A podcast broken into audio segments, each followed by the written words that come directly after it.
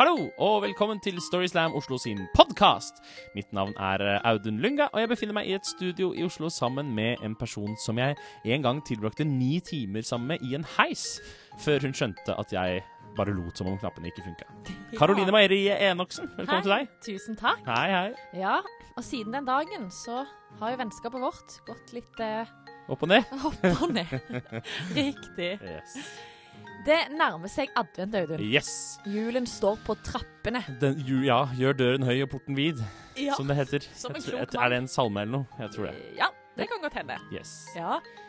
Så eh, det er jo mye følelser og forventninger. Ja, hva, hva slags forhold har du til jula, egentlig? Jeg er jo ikke sånn veldig fan av jul, egentlig. Og, og, og, er det- sånn her eh, skilsmissebarn-greie? For det, det, da gidder vi ikke å snakke om det. Nei. Nei vi da, vi trenger ikke å gå ned den mørke trappa der. Nei, jeg går ikke den fellen en gang til, for å si det sånn. Nei. OK. Men hva med deg, da? Hvordan er ditt eh, forhold til jul? Nei, det er eh, litt sånn ganske ja, ikke så, Jeg liker ikke å gjøre så Jeg er ikke så veld, veldig opptatt av jula, jeg, da. Så jeg bryr meg ikke så mye, på en måte. Jeg, hyggelig å sove lenge og spise god mat og pynte tre og henge opp strømpe og bake syv sorter og gå rundt treet og synge julesanger og gå julebukk og se på Askepott og gå i kirken og lese juleevangeliet og ha mandel i grøten og henge opp julenek og ja, sette ut gøy til nissen og Så ikke sånn Ja, spesielt, liksom. Bare Nei. helt vanlig. Sånn, ikke sant. bryr meg ikke så mye. Nei, OK. Men du er ikke aleine om å ha litt forventninger opp mot julen. Første forteller i denne episoden her, det er Stina Ribe Tygesen. -hmm. Og uh, fortellingen vi nå skal høre, den ble fortalt på Storyslam Oslo sitt live-arrangement i Stavanger. Ja, Ja, i desember i fjor. for vi var der, da. Ja, På en tur. da var vi der. Så denne fortellingen har ligget i arkivet og bare venta på å bli plukket opp. Og nå er det snart jul, så da plukker vi den opp. Nå kommer det en liten juletreat from all of us to all of you. A very merry Christmas. Her kommer Stina Ribe Tygesen.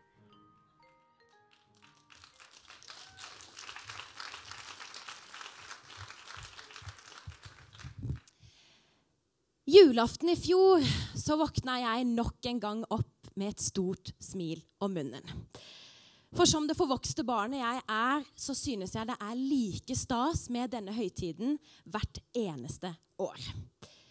Mye pga. Uh, samværet med nære og fjerne slektninger, den gode maten, for ikke å snakke om Tre nøtter til Askepott. Men aller mest, og politisk ukorrekt nok, pga. gavene. Og ja, jeg vet at dette er noe man ikke skal innrømme hverken for seg selv eller for noen andre. Eh, men nå har det seg i sånn at jeg personlig elsker det konseptet med å en gang i året få en haug med ting som jeg har ønska meg. Og spesielt for fjorårets feiring, det var at min storebror, hans kone og deres fire år gamle sønn, de skulle komme til Arendal, der jeg er fra, og feire jul med oss. Og tradisjon to så sto vi opp denne julemorgen til en nydelig frokost. Bordet var dekt med de kosteligste retter. Eggerøre, røkelaks, bacon, roastbiff. Altså, you name it, we ate it. Alle bortsett fra én, min svigerinne. Imens alle vi andre satt og gafla i oss det vi kunne, så pirket hun forsiktig borti maten sin, før hun til slutt bare nøyde seg med noen slurker kaffe.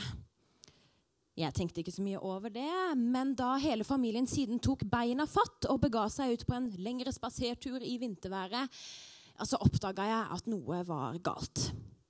Hun virka veldig anspent, eh, nervøs, som om hun tenkte på noe veldig veldig hardt. Og akkurat idet jeg skulle til å spørre henne om alt var i orden, så stoppa hun brått opp. Kikka meg intenst inn i øynene, og så sa hun jeg er så spent på den gaven som du skal få fra oss i år! Jeg bare jeg klarer ikke å holde det inne lenger. Eh, wow, tenkte jeg. Jøss. Yes, eh, jeg gleder meg òg! Wow, så kult! Ja, for jeg har aldri gleda meg så mye noensinne til at noen skal åpne en gave. Og jeg tenkte at det her er jo utrolig kult. Så hyggelig. Det er jo alltid stas å vite at noen liksom har tenkt litt ekstra på det de skal gi til deg, og, det setter vi jo alle pris på. Det rare var bare det at utover ettermiddagen så klarte hun ikke helt å la dette her med denne julegaven ligge. Hun fortsatte å hause den opp ved å fortelle meg hvor fantastisk og overraskende spennende denne presangen var. Noe som selvfølgelig førte til at jeg fikk ekstremt høye forventninger til hva det her kunne være. Så Først så tenkte jeg at det kanskje var den jakka jeg hadde sagt at jeg ønska meg. Men siden hun var så spent, så, så, ville det vært litt rart, siden hun visste at jeg ønska meg den. Så da tenkte jeg at nå er det sikkert noe som jeg ikke vet at jeg ønsker meg. så da tenkte jeg først at det var konsertbilletter. Eh, fordi hele familien er musikknerds, så det hadde jo passa perfekt. Eller så tenkte jeg at det sikkert var en ferietur til liksom New York, Paris eller Thailand. jeg vet ikke jeg. Det eneste jeg vet, er at nå gleder jeg meg like mye som min svigerinne til å åpne den pakka. Så da julekvelden kom, så kan jeg love dere at jeg var 10 000 ganger mer spent enn min fire år gamle nevø på hva som befant seg under det treet. Så da ribba og riskremen var fortært, så smatt hele familien ned i sofaen med hver sin pakke på fanget. Ja, for i min familie så gjør vi det nemlig sånn at alle får utdelt én presang hver. Og så gir vi full oppmerksomhet til den som skal åpne gaven, slik at ingen går glipp av reaksjonen. Og endelig så var det min tur. Eh, det var en pakke på ca. denne størrelsen. Sånn. Eh, litt flat, ikke veldig flat, men sånn helt greit flat. Eh, og så var den pakka inn i et nydelig rødt silkepapir med en sånn fjong liten sløyfe oppi høyre hjørne. Jeg lot hendene gli over det glatte silkepapiret. Før jeg forsiktig begynte å lirke av teipen på den ene sida. Og så bevegde jeg meg over til andre siden og forsiktig lirka av teipen der også.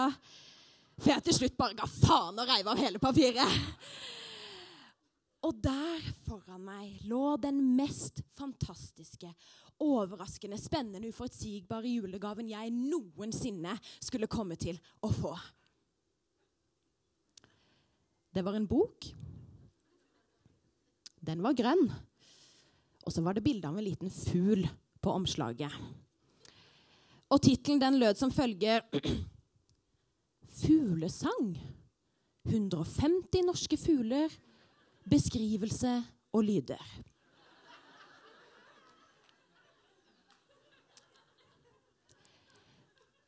Det blei litt stille i stua. Eh, ved nærmere kikk så skjønte jeg at dette var et slags oppslagsverk over da våre 150 norske fugler, beskrivelse av dem og de eventuelle lydene som måtte komme ut av deres nebb fra tid til annen. Eh, så da fungerte det sånn at eh, la oss si du bladde opp på side 10. Der var bokfinken. og Da var det et lite sånn avspillingsapparat på sida av boka. Trykka du deg fram til nummer 10 og press play, så kom den kvitrelyden ut. da, Så du kan sitte og høre på det. Jeg sleit litt med å finne en riktig respons. Um, ja, kom liksom ikke helt til meg, kan du si sånn automatisk. Uh, så jeg stirra litt sånn spørrende opp på svigerinna mi, som kikka forventningsfullt tilbake, før hun sa Vet du hva? Jeg tenkte på deg med en gang jeg så den boka! Det, det skjønner jeg ikke. Fordi jeg har aldri under noen som helst omstendighet vist noen interesse for fugler. Ja, for ikke å snakke om friluftsliv for den slags skyld. Jeg har aldri sovet i telt. Jeg kan ikke stå på ski. Ja, jeg tar meg en tur i skog og mark i men jeg ligger jo ikke i kamoutstyr bak en busk og plystrer på fugler av den grunn. Så jeg tenkte at det her må jo være en spøk. De har sikkert gjemt flybillettene til Thailand innimellom sidene her, og så kan alle sammen le av at jeg trodde at det var gaven. Men eh, ingen lo. Fuglesangboka 150 norske fugler, beskrivelser og lyder. Det var den julegaven som min svigerinne hadde brukt hele formiddagen på å gi meg kjempehøye forventninger om. Ja, jeg tok godt vare på den byttelappen, da. Um, og i år uh, så begynte jeg ganske tidlig på ønskelista mi. Den skrev jeg i juli, sendte ut i august. Så nå er jeg veldig spent på hva jeg får til jul i år. Takk for meg.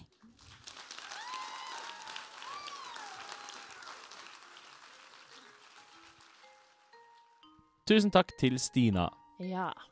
Og Stina er jo ikke alene om å ha erfaring med litt sånn rare pakker. Nei, den neste historien vi skal få høre, handler også litt om det, men denne gangen er det fra avsenderens side, Oi. ikke mottakeren. Nei. Mm, spennende. Ja, spennende. Her kommer fortellingen til Håvard Vere Hilmarsen. Like etter jeg flytta for meg selv, så fikk jeg i gave en liten gul badeand med lyseblå badehette og to søte, små øyne som så uskyldig opp på deg. Den fikk sin egen lille plass på hjørnet av badekaret. Noen år senere så fikk jeg meg kjæreste. På ordentlig. Og etter en stund så flytta hun inn hos meg. Og da havna bade, badana i skapet under vasken. Og etter hvert som tiden gikk, så havnet den badana lenger og lenger inn i skapet. For tre uker siden så skulle vi ha en storopprydding hjemme. Med full leilighetsvask og kaste ting som vi ikke trengte lenger. Og da dukka badana opp. Kjæresten min, som heter Kristin, hun mente at den badana var det bare å kaste. Jeg mente at det var helt sikkert noen som hadde lyst på en badeand. Og at den kunne få et godt hjem. Og mente at vi i hvert fall kunne gi den bort på Finn.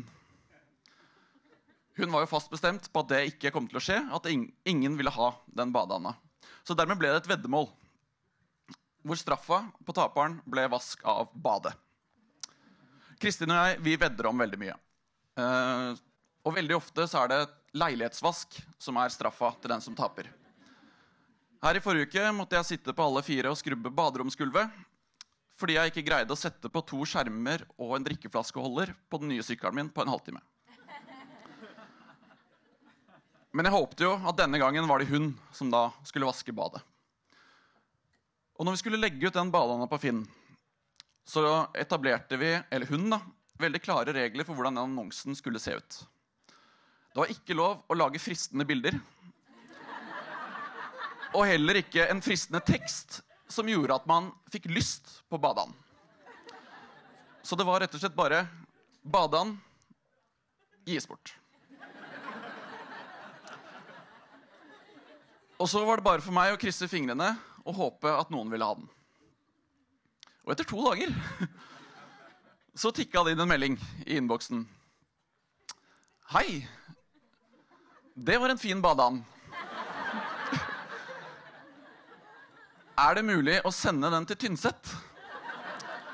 Hilsen Anne Reidun. Og vi googla litt, og Tynset det er jo et sted i Østerdalen i, Tedmark, nei, i Hedmark. Så det er jo lang reise for en badeand. Uh, men Anne Reidun det hørtes så veldig tillitsfullt ut. Og vi googlet, og det så jo veldig fint ut på Tynset. Så vi tenkte at den kommer til å ha det mye bedre der. Så vi takka ja til tilbudet. Fant fram en sånn liten brun eske som vi hadde hatt fra tidligere. La badeanda oppi. Sa ha det. Gikk til posten og sendte badeanda til Anne Reidun på Tynset. Og Kristin og jeg vi lo jo av det resten av dagen. Det er jo helt absurd at vi hadde sendt en badeand til Tynset. Omtrent sånn som dere ler nå, hadde vi det resten av den dagen. Så det var en fantastisk dag, rett og slett. Men da vi hadde lagt oss, og lyset var skrudd av, vi hadde kyssa god natt, sagt hjerte Og jeg skulle akkurat til å sovne, så hørte jeg plutselig I sommer så var Kristin og jeg i Los Angeles. Da var vi bl.a. på Griffith-observatoriet, som er litt utenfor Los Angeles, i nærheten av Hollywood-skiltet, hvor du da ser utover store deler av byen. Der var det forskjellige sånne vitenskapsutstillinger. og Blant annet så var det en uh, framstilling av uh, grunnstoffenes periodesystem. Hvor hvert grunnstoff hadde sitt eget lille rom, hvor man kunne trykke på noen knapper på et dashbord, og så lyste de for ulike opp etter hvert som man trykket. Og det gjorde vi. Lenge. Metaller som barium, wolfram, titan og gasser som hydrogen og helium lyste opp etter hvert som vi trykka på de knappene. Og vår favoritt, vårt grunnstoff, ble det magiske, fargerike metallet, som også var radioaktivt, bismut. På norsk så heter det vismut, men vi holder fast ved det ordentlige navnet bismut. Tre måneder etterpå så hadde jeg bursdag. Etter å ha revet opp papiret på den gaven jeg fikk fra Kristin, åpnet den lille brune boksen og sett, sett oppi, så lå det innpakket i plast en bitte liten bit bismut. En liten fargerik krystall eh, som nesten så ut som et sånt eh, lite isslott i masse forskjellige farger. Det var helt magisk. Jeg var veldig heldig.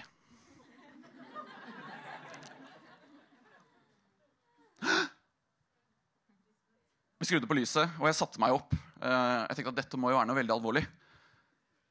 Bismut er jo radioaktivt. Og da begynte tankene mine å spinne. Kristin er veldig nevrotisk. Jeg er enda mer nevrotisk. Fordi pakken som bismuten hadde kommet i, var den samme esken som vi hadde brukt til å sende badeanda til Tynset. Så hva om badeanda nå om vi hadde vært så forbanna idioter og sendt en radioaktiv badeand til Tynset? Hva om gode, snille Anne Reidun, da hun tok opp badeanda fra eska, ble radioaktiv? Hva om alle som tok i den badeanda, ble radioaktive? Hva om mannen til Anne Reidun hadde pacemaker og skulle kose med badeanda og vise barnebarna hvor glad man kunne bli i en badeand? Men heldigvis, når jeg er på mitt mest nevrotiske, så har veldig ofte Kristin et godt råd. En god løsning. Og det hadde hun også nå.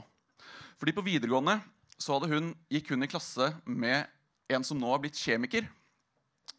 Og selv om de ikke hadde hatt kontakt på over syv år, så tenkte hun at han kunne vi sende en melding til. Og selv om klokka var fem på tolv natt til onsdag, så var dette veldig viktig å få unna. Så da sendte hun han en melding. Hei, Henrik. Jeg ga en klump bismut i bursdagsgave til kjæresten min. Esken som den kom i, ble så brukt til å sende en badeand til Tynset. Er den badeanda nå radioaktiv? Og burde vi si fra om det? Ny melding. Håper alt står bra til. Og kjemikere er åpenbart oppe veldig sent på hverdagene, eh, for vi fikk svar med en gang. Nei da. Bananer og melk er mer radioaktive. Og man blir ikke noe roligere av det.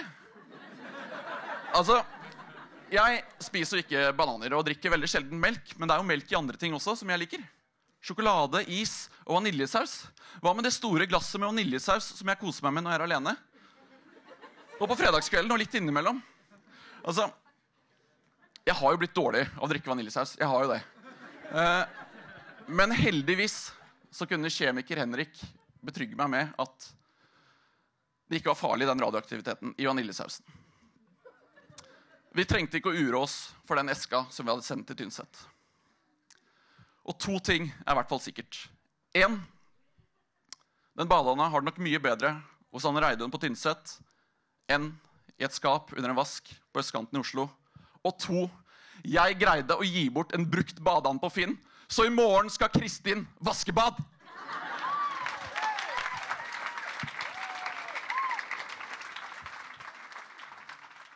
Tusen takk til Håvard. Ja. Og neste Storyslam live-arrangement, Mhm. Audun, det blir jo den 28. januar i 2019. What? 2019. 2019 åh, Altså, kjenn litt etter på det, liksom. ja. jeg, Hæ? jeg, er ikke helt, jeg er ennå ikke helt overbevist om at, om at 2007 er over, liksom. Nei. Så Nei. jeg, betaler, jeg er fortsatt blakk etter å ha betalt skatt for 2017. Skattesmell. Ja. OK. Men tiden går fort. ja. Ja. Alle disse dagene som kom og gikk. Hvor ble de av? Ikke visste Her, jeg. her har du to folk i starten av 30-åra som sitter og klager over at 20-åra er over. Ja, det er stusslig. Ja. Ja. OK. Uansett, da. I forkant av dette live-arrangementet Ja. i dette skremmende året 2019, Yes. så kommer vi til å invitere til noen workshoper. Yep. Sånn at du som sitter nå og tenker jeg har en fortelling som jeg kunne tenke meg å stå på scenen og fortelle, så kan du komme på disse. Ja. Og ta, så ta kontakt med oss eh, via Facebook eh, Ja. eller via e-post Post at storyslamoslo.no. hvis du har en god historie, og så vil vi veldig gjerne høre den og få deg opp på scenen. Ja.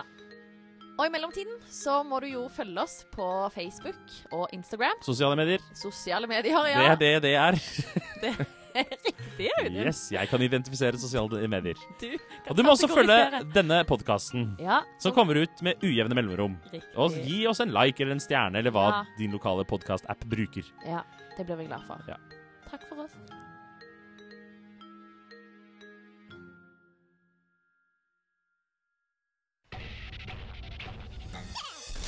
Monster.